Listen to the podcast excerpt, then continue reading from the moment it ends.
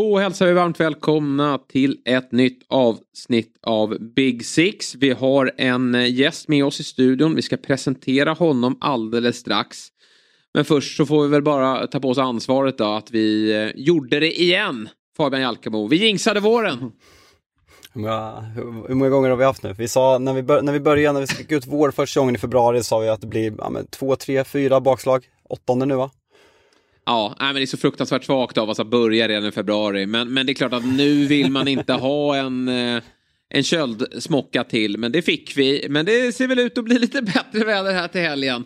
Eh, eh, så får vi se då om vi gör det på nytt. Men du Fabian, vi har ju valt att bjuda in en gäst till dagens program och vi har ju haft ett par olika Chelsea-supportrar med oss under året. Eh, och den här gången eh, var det bara att ställa frågan på kontoret här på Dobb. För eh, Karl Hultin har ju många, jag tror en del har koll på honom ändå. Han har dels varit med eh, tillsammans med dig i Big Six när ni pratade just om Chelsea inför Champions League. Men han är också med och, och står för viktigt redaktörsarbete när det kommer till Fotbollsmorgon och eh, fantasy-tv. Så vi börjar väl så att vi säger eh, varmt välkommen tillbaka då till Kalle Hultin. Ja men stort tack. Alltid kul att vara med och bli kallad gäst. Det är inte ofta jag får göra det i, i sammanhang. Nej, men det är du här och nu. Eh, även om du är en återkommande gäst då. Och eh, som vanligt när vi bjuder in eh, gäster så är det kris. Och exakt. är du inte trött på det när det kommer till Chelsea?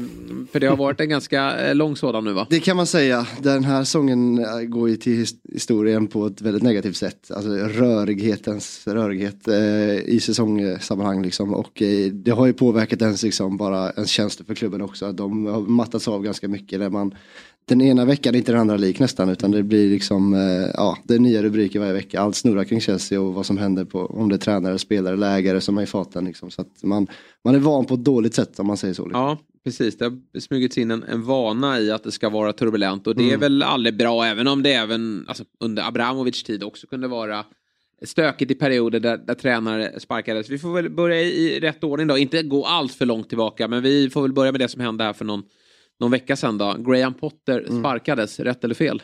Ja men rätt i, i slutet av dagen så, så är det rätt. Kollar du på, på hans resultat så är det långt ifrån än vad en sån klubb som Chelsea ska prestera. Och eh, det kan inte hålla på så hur länge som helst oavsett om man tror på att det kommer vända eller ett, eh, ett, ett projekt är igång eller så här så, så var det inte rätt tränare de tillsatte från början och eh, det tog ju längre tid för att de kanske inte ville svälja den stoltheten och kicka honom. Eh, men till slut så tog de sitt förnuft till fånga och, eh, och gjorde det. Eh, men det har ju också landat i att att ja, de, det kanske gick fort ändå för de verkar inte riktigt veta vad, hur de ska ta det vidare nu. Liksom. Mm. Vad, vad är din analys för det där Kalle, om man pratar liksom att vi säger att det var en felaktig rekrytering. Hur stor del ligger på Potters tränargärning, hans personlighet. Vi har pratat att jag kanske tycker att han inte har vad som krävs men, ehm, för, för att liksom ta en stor klubb som ska vinna de andra pris, eh, de största titlarna och hur mycket ska man lägga på ledningen som indirekt har gjort allt som Graham Potter inte står för. Han står för långsiktighet, ett truppbygge medan man bara kastat liksom, spelare på honom. Jag läste någon, någon artikel nu där liksom, man tvingades, ja men det var så många spelare på träningarna så liksom man fick göra övningar som knappt existerar för att mm. det är ingen som har sett en så här tr stor trupp länge. Så hur stor del av Potter i misslyckandet och hur stor del kan läggas på Todd Bowley och, och ledningen? Nej men alltså främst känner jag ju på Todd, Todd Bowley då i skurken i, i dramat här, eller så. Men eh, det, det jag, jag har känt nu i efterhand är liksom, eller under tiden, hela tiden egentligen, är ju typ att att han är, han, det är fel man på fel plats att ta in för att du säger utåt att ah, vi tar in Potter som liksom kommer från eh, många olika klubbar där han gjort det bra i nästan överallt han har varit och han har fått tid på sig, fått förtroende under längre tid. Eh, och så har man även jobbat när man plockat in de här eh, ah, tekniska direktörerna som är i klubben som jobbar långsiktigt med scouting och eh, andra saker. Så de har ju handplockat från andra klubbar där de var duktiga innan. Eh, men samtidigt så kastar Bowley in tio nya spelare i knät på Potter under säsongen och bara ah, får det att funka, får det att funka liksom. Vi, man vill ha resultat. Så det stämmer ju noll överens om hur man, hur man utåt tänker med en långsiktig tränare och långsiktiga direktörer runt om honom som ska bygga det här Chelsea ja, till Bowleys Chelsea då i framtiden man, man, köper talanger från hela världen för att det, långsiktigt ska se bra ut. Men förväntar sig ändå resultat direkt liksom, eh, när han får tio killar i knät som man ska liksom, få ihop till ett lag som ska spela fotboll. Liksom. Så mm. det, det, är där jag tycker det inte är klaffat och då blir han mannen att skylla på. Sig. Nej, och sen har vi pratat om steget då, att gå från en mindre klubb. Eh, han är ju dock i Brighton så det, det är en stor klubb med, med eh, internationella mått mätt ändå. Men, men det är klart att steget från Brighton till Chelsea är ett, ett stort kliv att ta. Och då pratar man mycket om att det är en annan press. Nu måste man vinna och det, det är ett annat eh, ljus på en.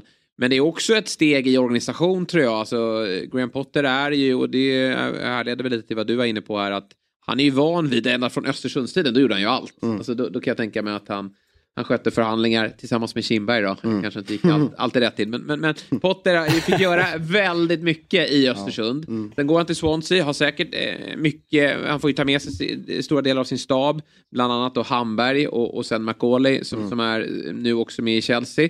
Men jag tror att han har rätt mycket att säga till om. Han har nog mycket att säga till om när han kommer till Brighton. För där är en ägare som eh, lyssnar till sin, sin, sin tränare. Men när man kommer till den här typen av klubbar, en av de absolut största klubbarna i världen, då finns det ju en struktur att man ska leda laget. Mm. Eh, sen har man säkert, eh, kan man komma med inspel vilka spelartyper man vill ha.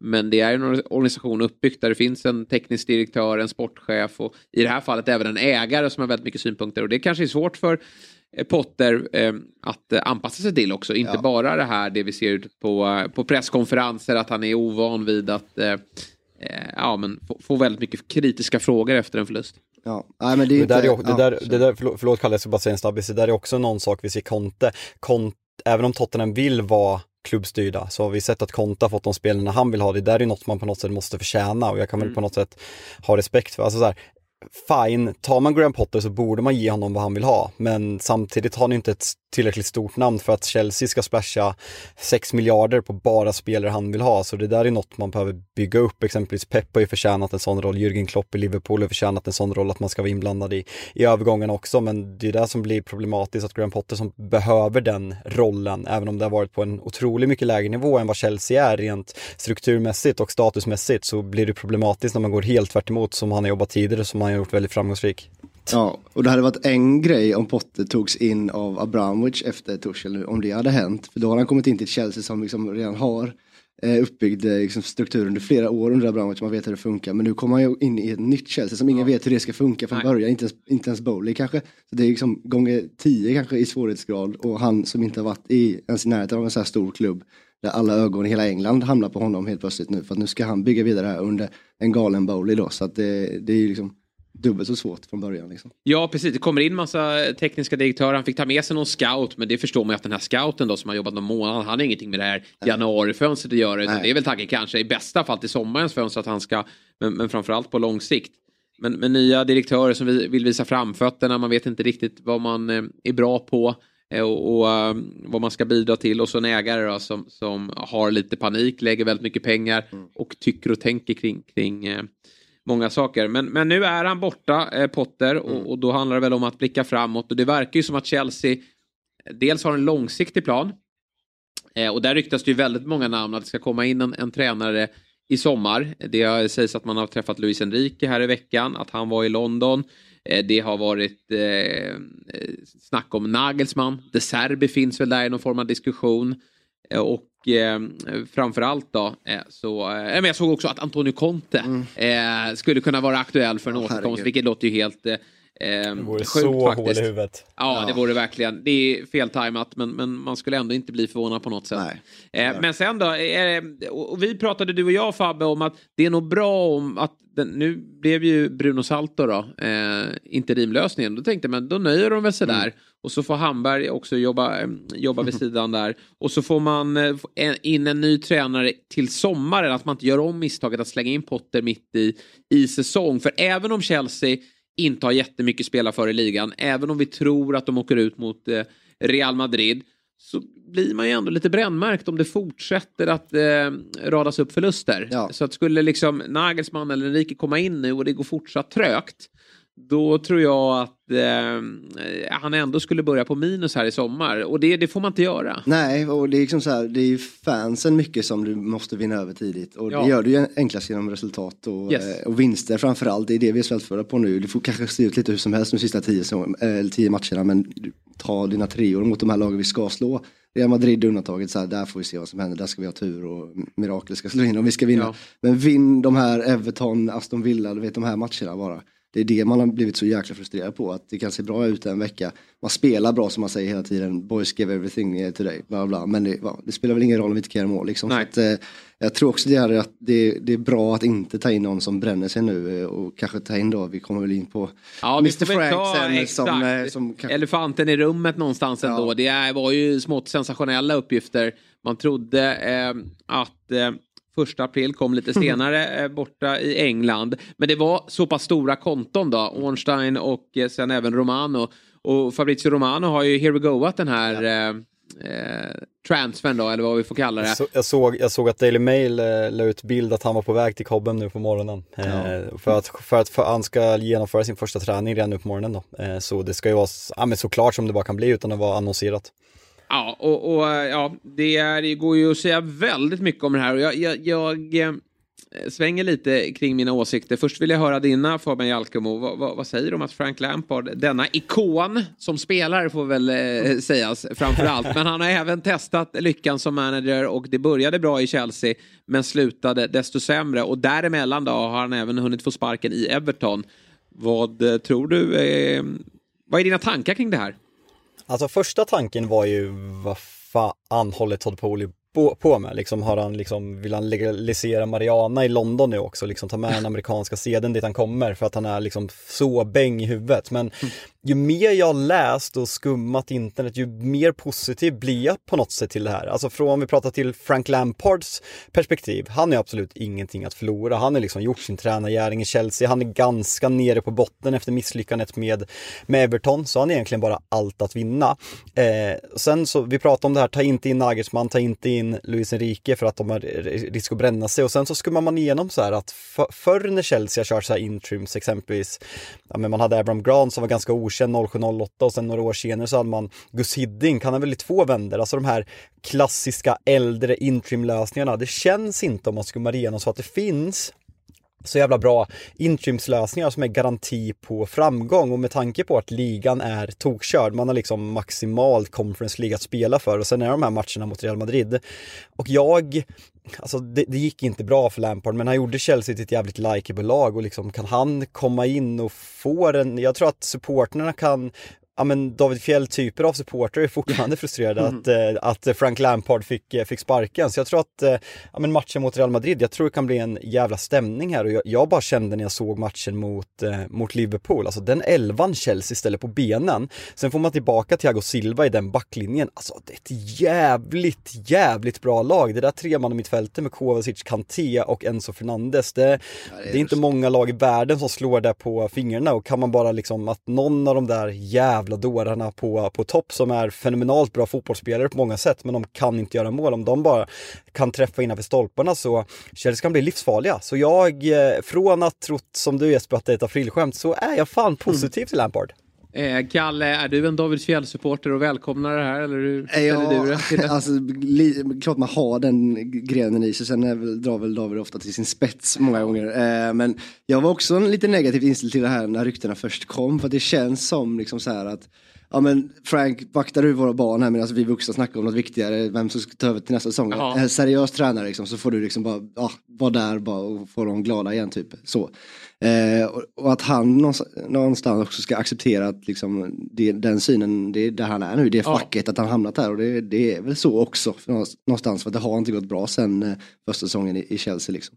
Eh, men å andra sidan eh, så har jag också svängt lite i att, i det, i det, till det romantiska då, att, för att det ryktas ju om att han, han tar med sig Ashley Cole in och hans gamla, han eh, Edward tror jag han heter också som han hade med sig i Chelsea första Vad händer med Hamberg då?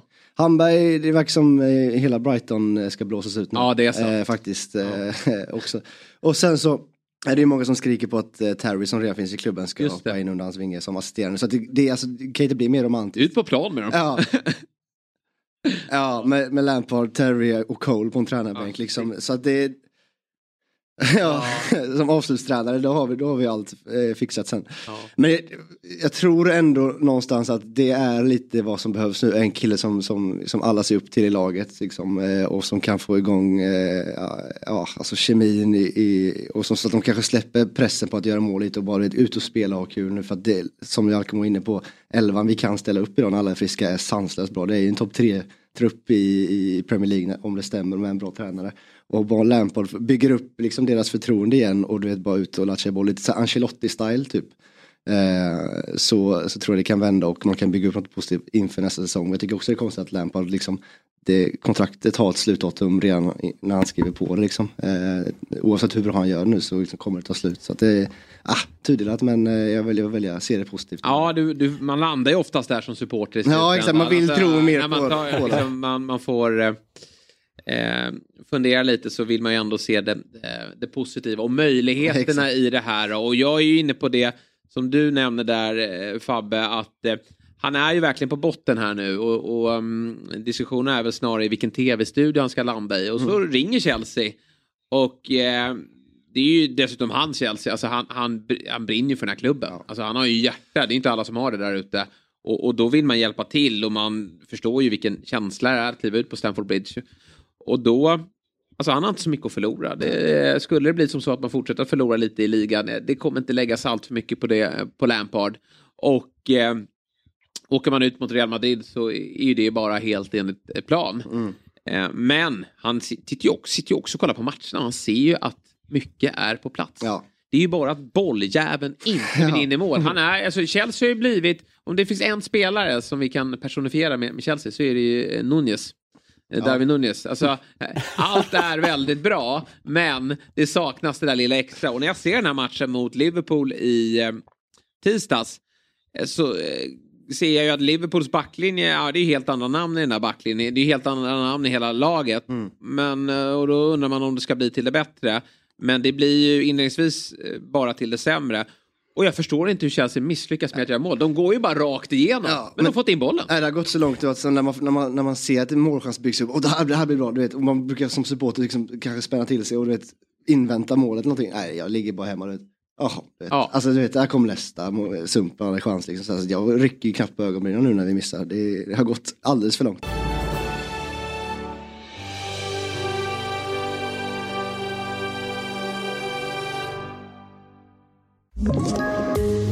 Poddtips från Podplay. I podden Något Kaiko garanterar östgötarna Brutti och jag, Davva, dig en stor dos skratt. Där följer jag pladask för köttätandet igen. Man är lite som en jävla vampyr. Man har fått lite blodsmak och då måste man ha mer. Udda spaningar, fängslande anekdoter och en och annan arg rant. Jag måste ha mitt kaffe på morgonen för annars är jag ingen trevlig människa. Då är du ingen trevlig människa, punkt. Något Kaiko, hör du på Podplay. Därför är gardinerna.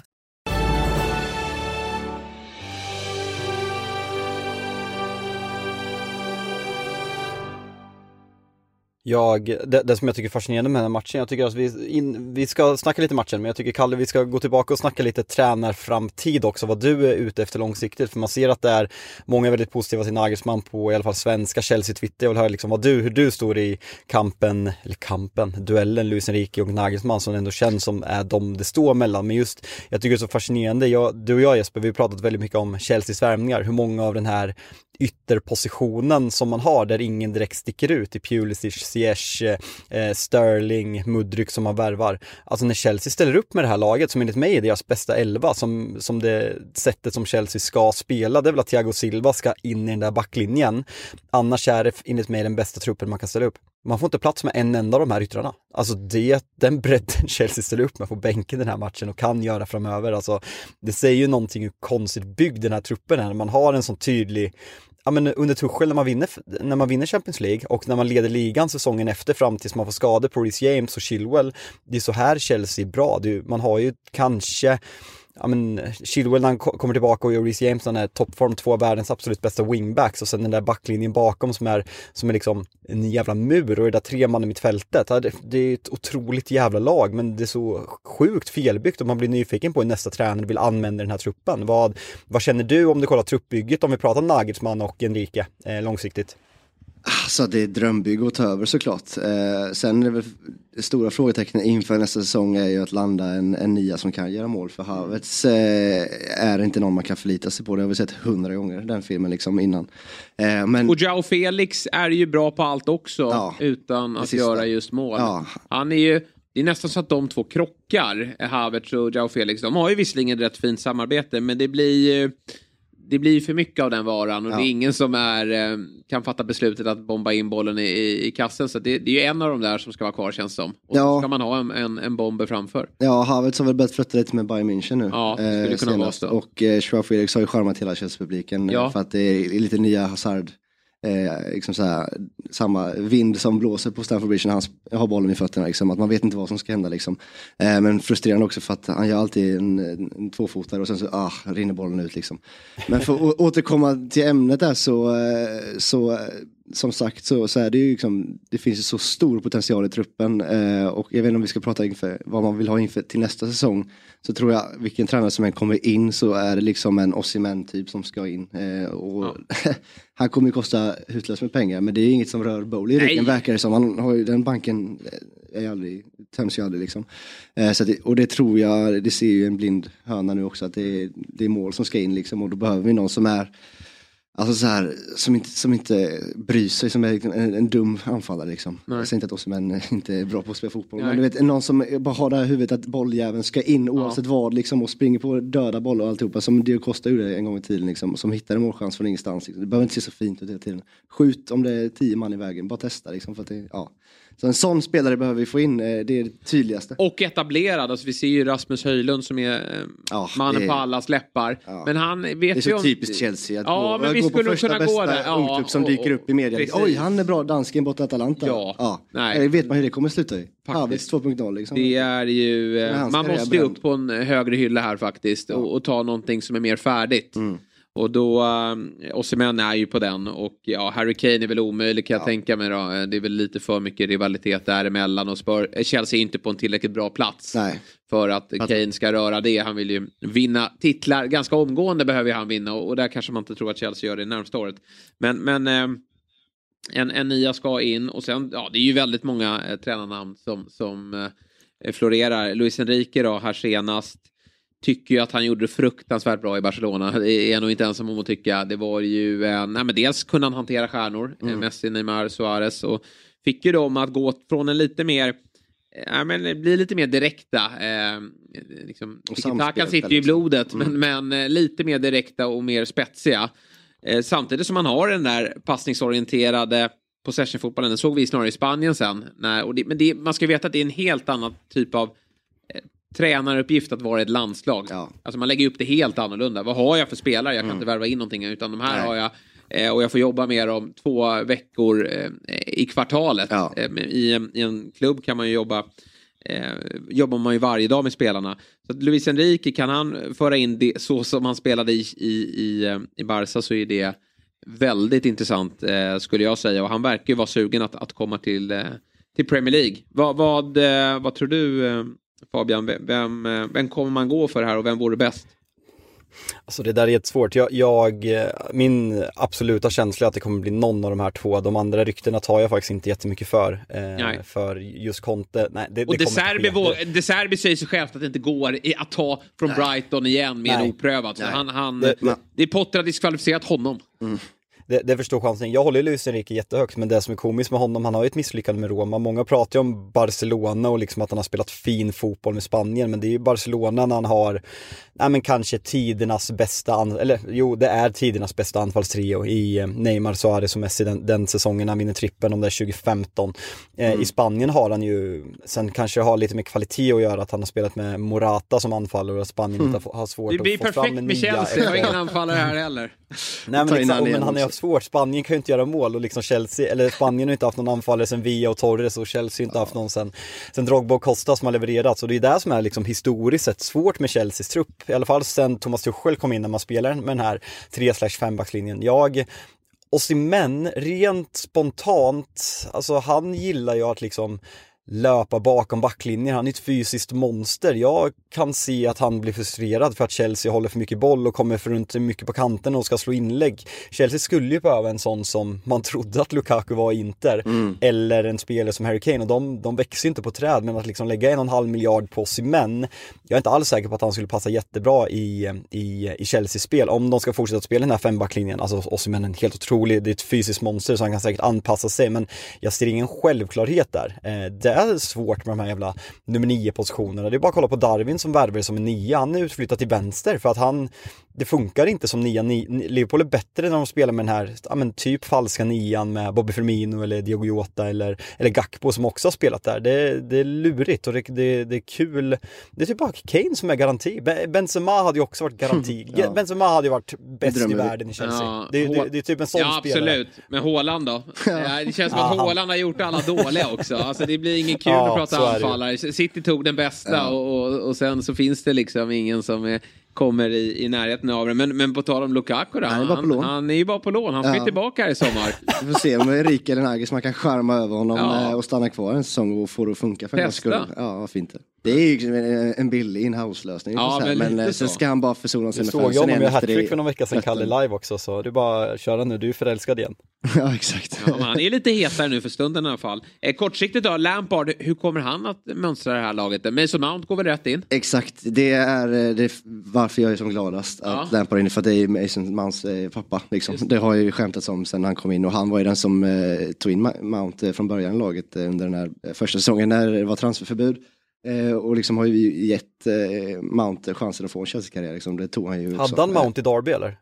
Vad sa du? Ja, det hade han. Ja, precis. Ja, exakt. Ja. Eh, så att han kommer gå, bli den första han skriver ner på startuppställningen. Hoppas jag, för att jag har börjat ana lite nu, för Mount har inte startat två matcher, inte ens gjort en minut senaste två matcherna. Och att det kommer kanske direkt från Bowley eller någon där uppe som säger att han ska inte spela för han skrivit på ett kontrakt. Liksom. Eller spela minimalt. Det är jag jävligt vart, för. Vart ska han spela? Förlåt Kalle, vart ska han spela? Om vi säger att de spelar med den här 5-3-2 eh, och den där trean är väl ganska given, i alla fall i de tuffa matcherna mot Real Madrid med Enzo, Kanté, måste bara nämna Kanté, borta i åtta månader, bäst ja, plan direkt. Ja, alltså det är helt, och det är så signifikativt också att han gör alltså 33 minuter under Graham Potter, första matchen Potter är sparkad ja, så startar han och är bäst på plan. Det, Chelsea är ju ett annat lag. Jag, jag går tillbaka till den där jävla matchen när, när ni möter Tottenham 2-2 när, när Kukureya blir dragen i håret ja. av Romero, men alltså Kanté, det, alltså vilken, alltså fortsatt underskattad. För alltså ja.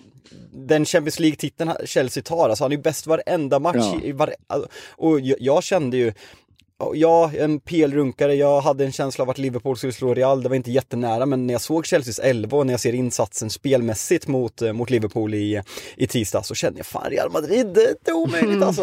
ja, och sen så gick det två dagar till och så gjorde Benzema hattrick mot ja, eh, Barcelona. Så att, de eh, spände ju musklerna igår. Ja. Men nu blir det så här, nu blir Real lite så här sjukt höga favoriter och ja. det kanske de absolut inte ska vara. Och så Lampard in på det här eh, och det, det är ingen ja. demontränare, det har jag aldrig tyckt. Men det måste väl ge dem någonting. Eh, så att ja, det där mötet ska bli jättekul att, eh, att följa. Mm. Jag tycker inte att det är, det, det, är inget hopplöst läge utan det går med den där elvan.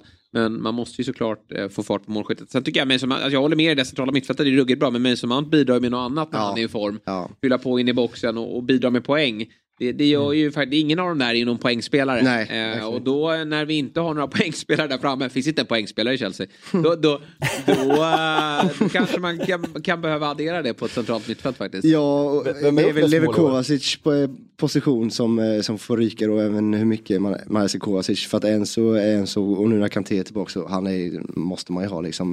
Det är ju, hade vi haft han under Potters hela tiden så tror jag också det hade gått mycket, mycket bättre. Ja. Att, som Tuchel sa, han är vår Messi, han är vår Mbappé, han är vår Neymar. Han är alla de tre sam samtidigt för i betydelsen i ett fotbollslag liksom. Eh, och det såg man direkt mot Liverpool hur, hur jävla viktig han är liksom. För att han gör det här som man inte tänker på liksom. Och vinner boll och spelar enkelt. Alltså, vet, boll, river upp ett försvar själv typ. Så att i så fall tror jag det blir, blir Kanté, Mount och eh, Enzo. Och, eh, som, som en mitt trea. Eh, mm. Och sen då Felix och, och Havertz och ja. någon stackare till där uppe. Precis, Sterling eh, på tal Ja, Sterling tror jag också kommer få ett förtroende. Ja, men Sterling skulle ju kunna få spela mer, liksom. absolut. Mm. Om vi tar oss till matchen mot Liverpool då, så ja, det går ju att sammanfatta den precis som på alla, eh, som efter alla Chelsea-matcher att spelet såg bra ut, men bollen vill inte in. Men eh, det här var ju ett Liverpool som man faktiskt skulle slå. Ja. Eh, vilken tydlig markering tycker jag från Klopp. Och jag, så här, det blev ett jäkla ramaskri på eh, sociala medier och eh, Klopp skiter i det här och så vidare. Men herregud, den andra elvan, den är ju inget bra. Alltså den ordinarie elvan. Nej, den är ju nej, verkligen det, dålig. nej, det är liksom, det, när inget funkar, vad fan ska jag göra? Liksom? Nej, han skick- skickar inte ut de här och liksom blundar Ja. väl och pekar, ni spelar så Precis. testar vi. Och är det något lag, något lag man ska testa så är det väl Chelsea liksom, för det, de gör ju inte mål så då kan man testa en ny Ja, offensiv precis. fyra De, de, de kommer inte göra mål på oss. Så i värsta fall blir det 0-0. Ja, och det var det det blev. Ja. Eh, vad säger du, eh, Jalkemo? Du reagerade ju kraftigt på den här elvan. Alltså, måste bara jag kolla upp Chelseas eh, statistik gällande att du sa att eh, ingen kan göra poäng. Eh, Havertz 9 mål, Sterling 7 mål. Sen är alltså Mount, och Aubameyang och Jorginho delad trea på tre mål. Ja. Sterling, vi... Mount, Jag Ster- minns Sterling, ju Mount, Sterling Mount har flest assist, tre stycken. Alla, vet- alla matcher. när AIK vann SM-guld 98, ni vet vem som vann skytteligan va?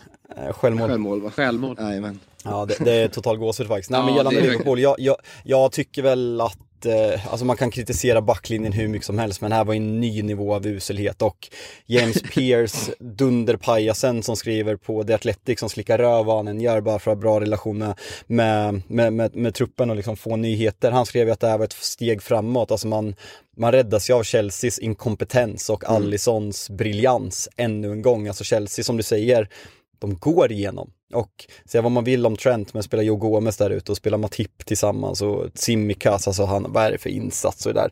Nej, det är så, det är, ett- jag, jag vet inte vad Klopp är ute efter. Eh, Van Dijk var ju sjuk, men att de andra, Salah borde väl ändå starta. Alltså, han Ja, har ju en lite tuffare verkligen. säsong, men Salah är ändå bäst i det där Liverpool.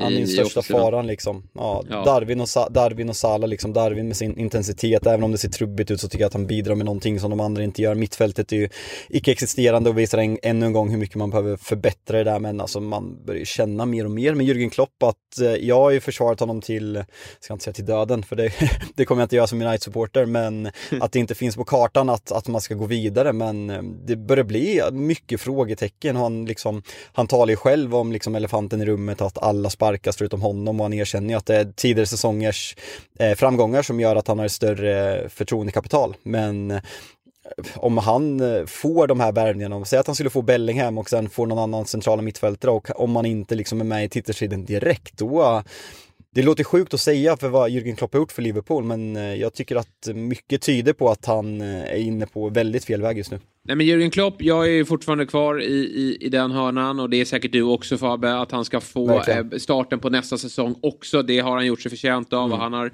byggt upp nya lag tidigare. För det är det han ska göra, han ska bygga upp nya lag, ett nytt lag. Och det kanske inte, det, det borde inte bli, jag säger det borde inte bli med Jude Bellingham, för han borde inte gå dit. Det vore väldigt dumt av honom att gå dit i det skedet han är i sin karriär. Då får han i sådana fall stanna ett år till i Dortmund och så får han göra en bedömning nästa sommar om han så gärna vill till Liverpool. Men att gå dit nu är farligt. Det, det, skulle, jag, ehm, det skulle jag vänta med. Är det inte en Du- ny Pogba? Pogba. det, det kanske är så. Men, men Klopp får då kanske, i och med att man missar Champions League och kanske inte har den största plånboken att värva de absolut största namnen, då får ju han vara lite så här skicklig som Eddie Mm. Howe har varit och andra skickliga managers. Eh, De Serbi, att bygga med lite, och det är herregud, alltså Liverpool kommer värva bra spelare, Nej. men kanske inte den absolut högsta hyllan, Nej. utan strax där under. Men han behöver byta ut många av de här spelarna som inte har presterat. Sen får vi se vilka som stryker med, alltså vilka som inte får med på den här resan. Men nya spelare ska in eh, och sen måste Klopp lyckas med det. Men det tror jag kan vara bra också, du vet att på ett sätt det kanske är att hoppas på för mycket, men att, att plocka de här spelarna som kanske inte hade varit aktuella för Liverpool annars med Champions League-spel, plocka en hylla under eller någonting, Ja. för då kommer de komma dit och liksom känna att ja, det, jag måste prestera direkt här och ge, eh, spela för, ja, både för sin egen skull men, och, och Klopp kommer känna likadant, att det kanske är lite sista chansen att, att eh, ja, komma tillbaka till glansdagarna igen och eh, hitta de här spelarna som kanske är där för att verkligen eh, Ja, men brinner för det. brinner för det och Ja. för, för sin egna framtid liksom. Att ja, men jag, jag är här för att stanna liksom. Det ska inte bli någon eh, ettårs, eh, ja, och sen försvinner man. Istället för att plocka kanske en, en, stjär, en redan färdig stjärna som är där lite för sin egna skull kanske. Ja, men skit i Bellingham, ta McAllister. Alltså jag fortsätter att tjata om honom. Han, Mm. det, är ju, det är ju det steget han ska göra. Han kliver ju in och är brutalbra direkt Mm. i, i Liverpool. Och värsta, Han är, värsta, han är så jävla bra. Ah, han är så Men det- fruktansvärt bra. Och värsta Men som kan hända... som du är inne på, alltså vad är det för lag? Alltså vad är det för värvningar de har gjort? Alltså herregud, alltså den Nej, här, men det är möjligt. den här, den här mål, eh, att man inte kunde göra mål eh, under, under ett gäng matcher Ja. när Alexander Isak var till in och ut och ska halvskadad hela tiden. Men alltså vad är det för lag och de här spelarna man har värvat som du säger, alltså Liverpool behöver hitta en Bruno Gimares, liksom en, Ja. en uppsnackad spelare men som man kan värva för liksom 40 miljoner pund från, komma från Lyon eller och samma sak med Sven Båtman, han rycktes ju till alltså klubbar som Milan så det var inget okänt namn men samtidigt Nej. de största klubbarna var ju inte där. Alltså, Och inte lika mycket press på dem häftigt. heller. Alltså, så här, ju- kommer Jude Bellingham, då är det så här, Ja, ja, exakt. Nu Det ska är ni det- utmana City igen. det är det jag menar. Nu ska ni utmana Ja. City igen. Och, och det kan ju inte Jude Bellingham ändra på. Däremot om du värvar in McAllister och... och Caicedo, Ja, man kanske inte kan säga både Caicedo och McAllister men Ja, det på den hyllan liksom. Ja, eh, Mittomaj, ta hela Brighton. Och, eh, och, Brighton. Ah, ja. och tyvärr då, Köra Jari också, han, han är på gång nu också. och en Ceesay som gjorde sitt första mål nu också. Nya Southampton. Ja, ja. Men det värsta i i Chelsea eh, det är ju Mount-dealen där som går ut och eh, om inte han förlänger liksom då kommer ju Klopp bara stå och vänta och gnugga sina händer och han hade passat perfekt i Liverpool under, Ska ni i helgen Kalle? Fan under ingen höst. Eh, Wolves vi. Wolves borta va? Ja. Så det är också ett deppigt möte 0-0 eller förmodligen. Ja, det luktar 0-0. Inget lag som kan, Ja, kan göra mål där direkt. Ja, Fat nej, men vi eh, konstaterar väl helt enkelt då att Liverpool, de eh, behöver bygga om, men kanske inte lika namnkunnigt då, utan att Klopp, eh, och jag bara hoppas att han har energin till att göra det. Mm. Och, och då ska man nog kanske inte räkna med att Liverpool, som sagt, står där som eh, eh, första utmanare till City. Ja. Men däremot så, så finns ju mycket på plats. Eh, och att det, nästa år ska man såklart tillbaka till Champions League. Ja. Det, det, För när- det är målsättningen. För när Klopp värvade Firmino, Ma- Mané, Salah och, och Jota och eh, Luis, det var ju inte storstjärnor. Nej, nej. De har, blev ju det i Liverpool och det är väl dags att göra samma sak igen nu. Eh, Man kan inte förvänta sig att man träffar lika bra som Mané och Salah och Firmino såklart. Men det är den hyllan jag tänker man ska leta i. Någon som kommer från, kanske inte de högsta, största lagen, men som är där för att eh, vilja, vilja visa och bygga upp någonting nytt liksom. Som är hungriga direkt. Eh, bra, eh, vi gör väl som så då Fabbe att vi tackar Kalle för fint Chelsea-inhopp. Du kommer ju tillbaka eh, när det stormar nästa, Nästa, vecka. när Lampard är out efter ja, två matcher. out, precis. Men det, Efter det, 0-5 mot Real i match 1, då, Yes. då kommer du Ja. igen Kalle. Jag längtar redan. ja, eh, tack så mycket Kalle Tack och så själva. fortsätter du och jag Fabbe.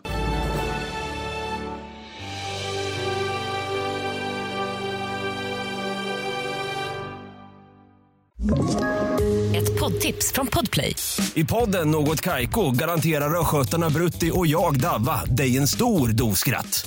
Där följer jag pladask för köttätandet igen. Man är lite som en jävla vampyr. Man har fått lite blodsmak och då måste man ha mer. Udda spaningar, fängslande anekdoter och en och annan arg rant. Jag måste ha mitt kaffe på morgonen för annars är jag ingen trevlig människa. Då är du ingen trevlig människa, punkt. Något Kaiko, hör du på Podplay. Därför är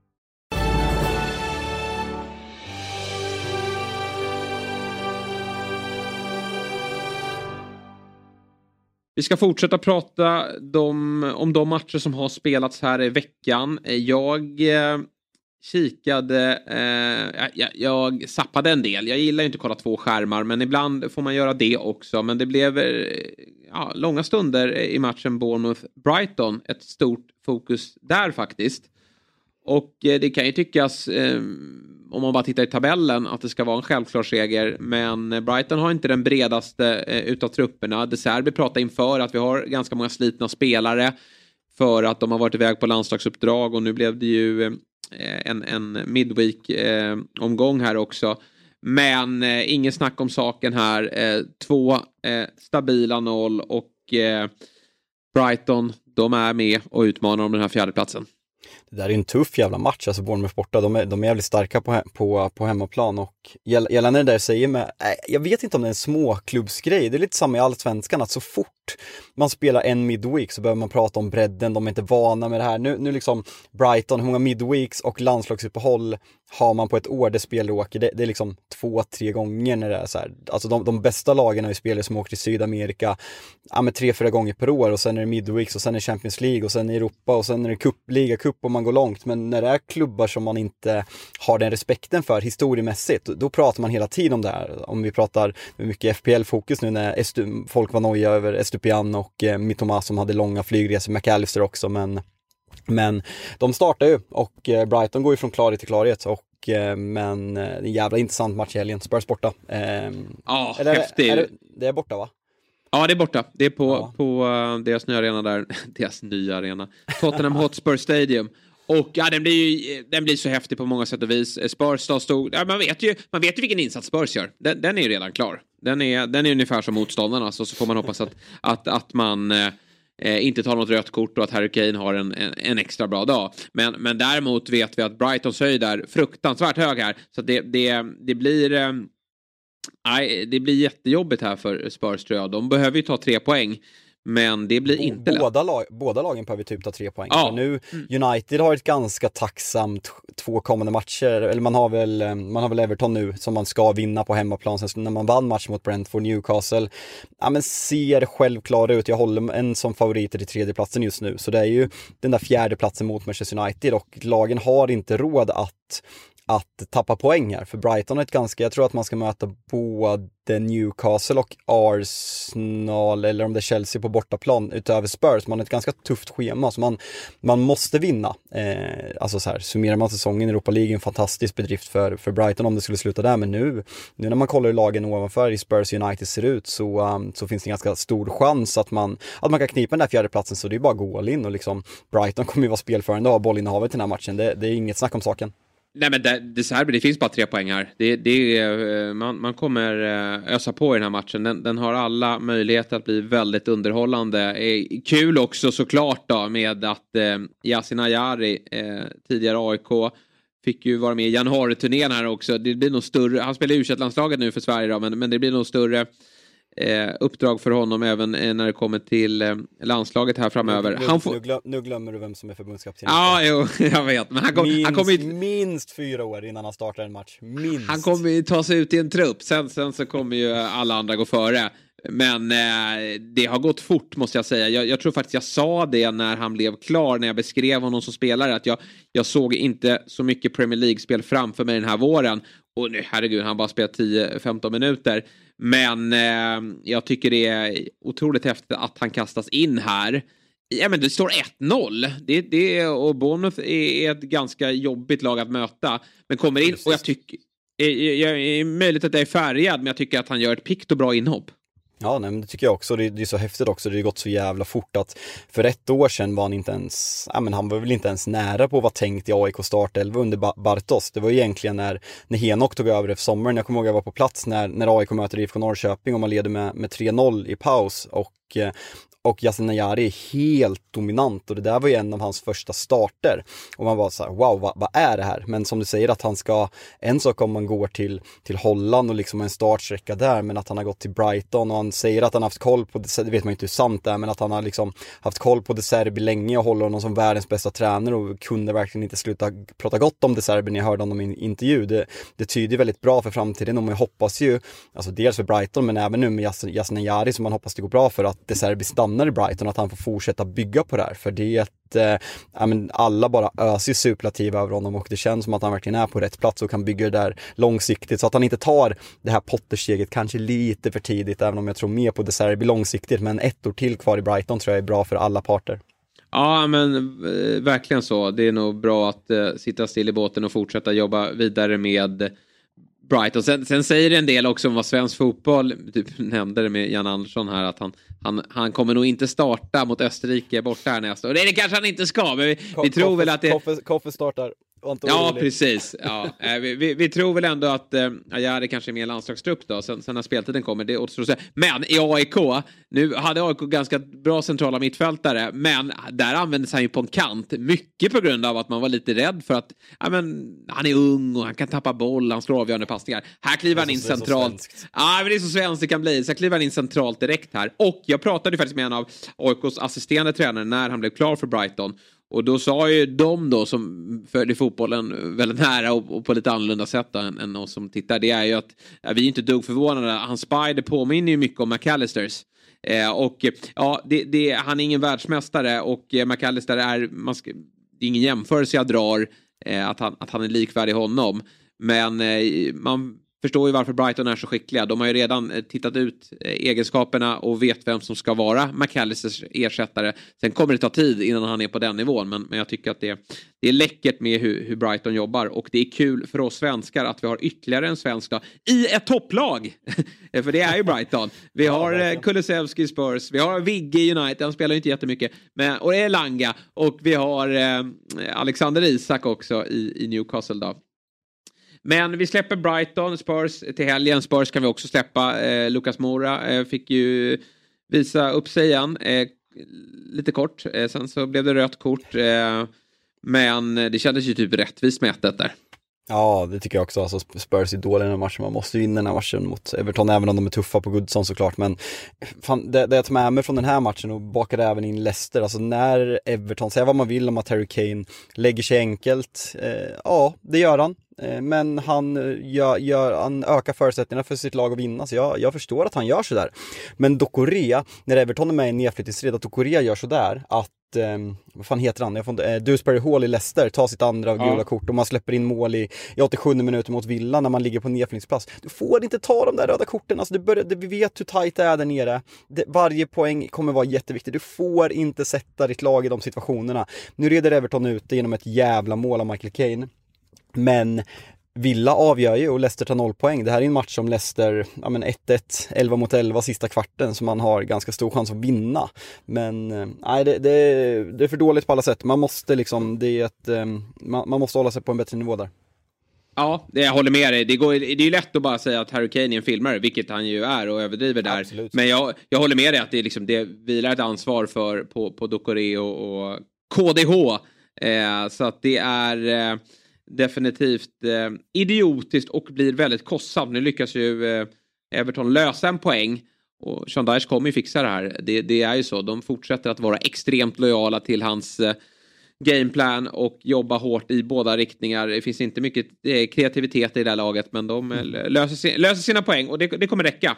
Men eh, vad Leicester sysslar med, det, det, undrar jag. Men vi eh, måste ju lyfta på hatten för Ona Emery som ju har eh, Tio segrar, två avgjorda, fyra förluster i ligan sen han tog över då, eh, precis innan VM och det är ruskigt starka papper.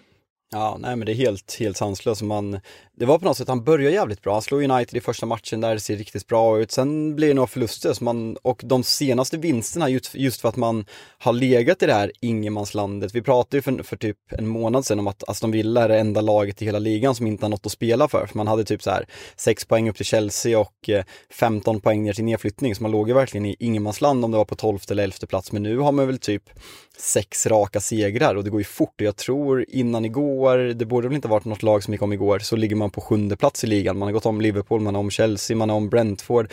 Det är en jävla supersäsong och som jag varit inne på tidigare, han har ju tagit över Steam Gerards Aston Villa, eh, där många, och även Smiths Villa, där många värvningar för Jack Grealish-pengarna varit så här, man har inte riktigt Leon Bailey, eh, Buendia, alltså man har inte riktigt fått ut vad man kanske har räknat med av de här alltså Aston Villa-mått mätt väldigt stora värvningarna men att Unai Emery gör det här med en ärvd trupp så tidigt eh, det gör att man bör en jävla framtidstro för Aston Villa vart man kan komma i framtiden. Ja, det är äntligen då för Villa efter Grealish-försäljningen så får man ordning på det. Det, det handlar om att eh, pricka rätt på tränarposten och eh, det får man ju lugnt säga att de har gjort hittills då.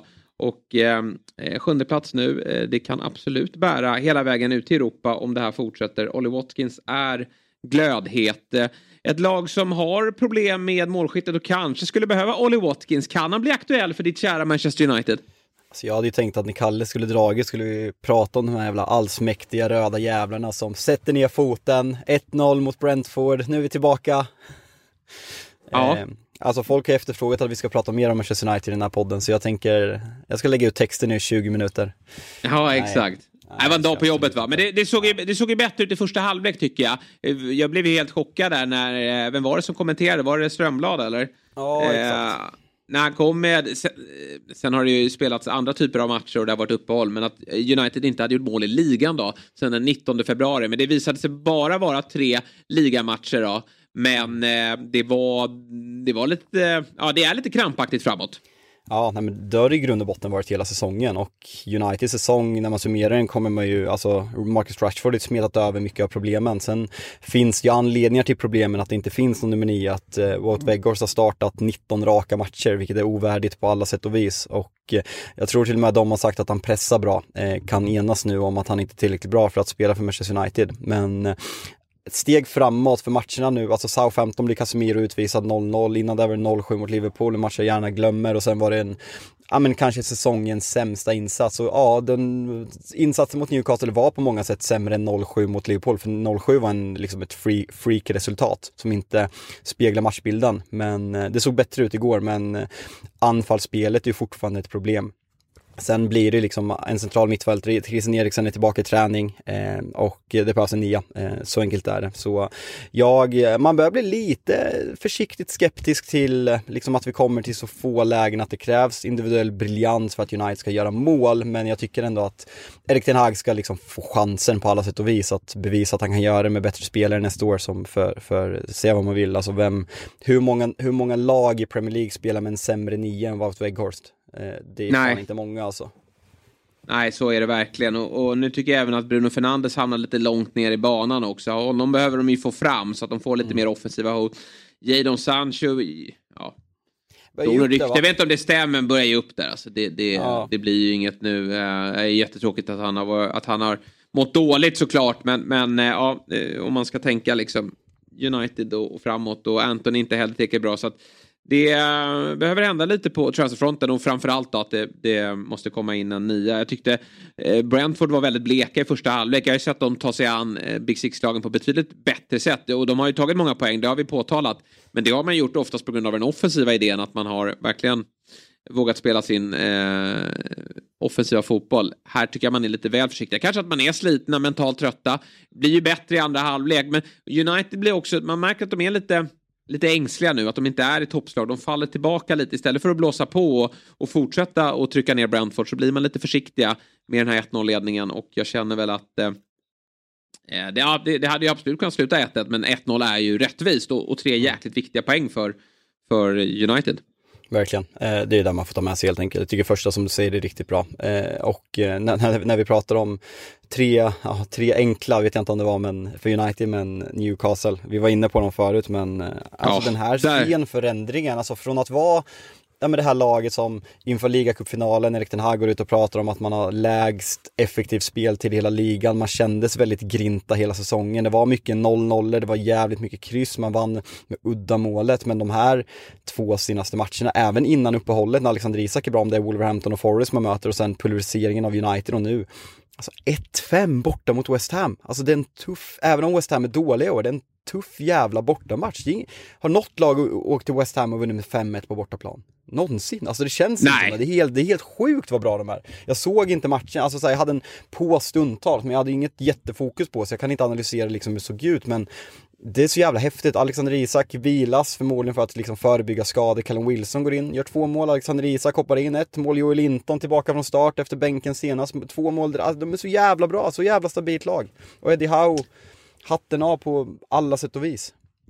Ja, nej, det är så häftigt och att de tog sig ur den här lilla svackan. Det är ju så lätt att man har, när man blivit eh, varit lite av ett succélag under hösten och alla undrar vad de gör där och alla sitter och, och pratar om att snart kommer svackan, snart faller de igenom. De ska inte kunna vara där, eh, där uppe. Det är Liverpool som är det laget som ska vara där. Men nej, har man sett fotbollen under året så ser man att Liverpool är dåliga och Newcastle är bra och de skakar av sig den här formsvackan och är tillbaka nu på vinnarspåret och eh, det är fortfarande som så att det finns lag bakom där som skulle kunna störa. Brighton är fruktansvärt bra. Spurs ser jag liksom inte kunna rada upp de här segrarna som krävs. Och sen är ju givetvis United där. Men det är väldigt mycket som talar för att Newcastle tar den här segern. Och eh, det är ju en, en skön situation nu för Eddie Howe att han har ju två anfallare som är väldigt heta här nu i form av Alexander Isak och Wilson. Och jag tror definitivt att han kommer testa att, att eh, spela båda i, i någon match. Men, men det är lite angenäma problem annars då om han bara kan eh, tänka sig spela en. Mm, ja, men just att testa Isak till höger, Almiron är borta och liksom har tappat formen lite. St. Maximan tycker jag har varit riktigt bra senaste tiden, Joel Hinton också på det där, på det där mittfältet. Eh, gällande West Ham, jag, jag, vet inte vad du känner men man har väl på något sätt hela säsongen känt att de är för bra för att åka ut. Och nu ligger man alltså, ja man ligger på samma poäng som Bournemouth på, på nedflyttning när man ser en sån här insats så börjar man på något sätt, har man, överskattar man West Ham för att de heter West Ham och för att de har gjort det vad de har gjort de senaste två åren och för att man har gått rent i Conference League. För det här, det här var ett slagigt lag jag såg. Det här var inte alls bra. Eh, och jag, hade jag varit supporter hade jag börjat oroa mig ganska rejält och jag, vi pratade om David Moyes, jag eh, tycker att det är hål i huvudet att han sitter kvar eh, efter den här säsongen. Pratade förra veckan om att Graham Potter till Leicester hade varit ett bra alternativ men här, här har vi Graham Potters nästa klubb, säger jag. Ja, det behöver inte alls vara fel. Eh, frågan är om West Ham agerar innan. Det pratas ju om att Nottingham Forest ska...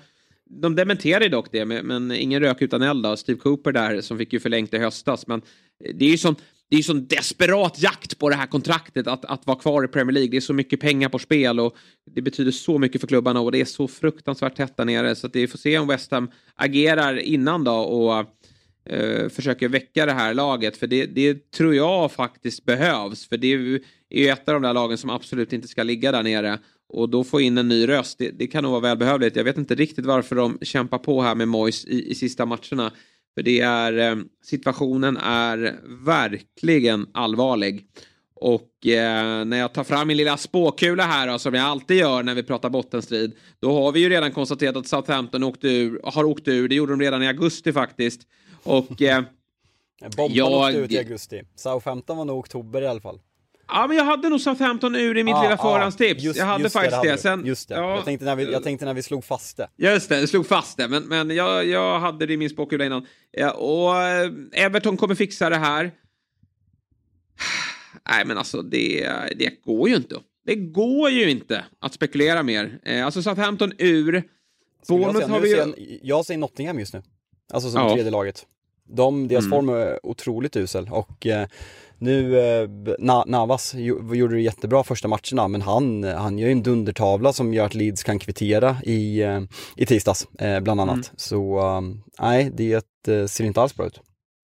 Nej, man, man ska väl egentligen ta ett, en, ett mer noggrant kik på, på spelschema eh, när man sitter och, och, och tror på det här. Men Leeds tar ju ändå sina segrar här och där liksom så att eh, Eh, det, är, eh, det är jättespännande eh, inför helgen och alla kommande matcher. Vi eh, ska göra som så att vi ska runda av. Men vi eh, ser fram emot helgen och det är ju... Det är Liverpool-Arsenal ja, på söndag 17. Det är Liverpool-Arsenal som sticker ut. Nu har vi inte pratat Arsenal. jag säger 1-3. Jag säger 2-1 då. Till Liverpool? Ja, då tar de fram en sån här sjuk insats igen då. Eh, helt enkelt.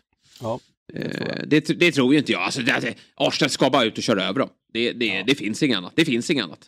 Nej, men det är du, du, Ja men de är så jävla bra på Anfield, alltså man har räknat ut dem så jävla många gånger, sen kommer de med en håll käften-insats på Anfield, de torskar inte många matcher där.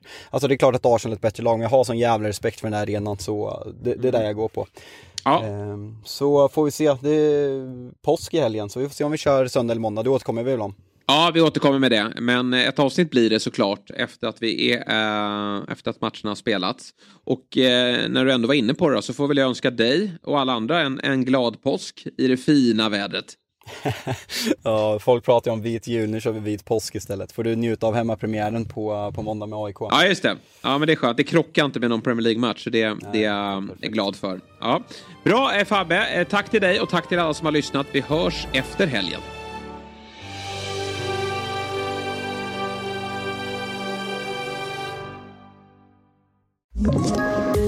Poddtips från Podplay.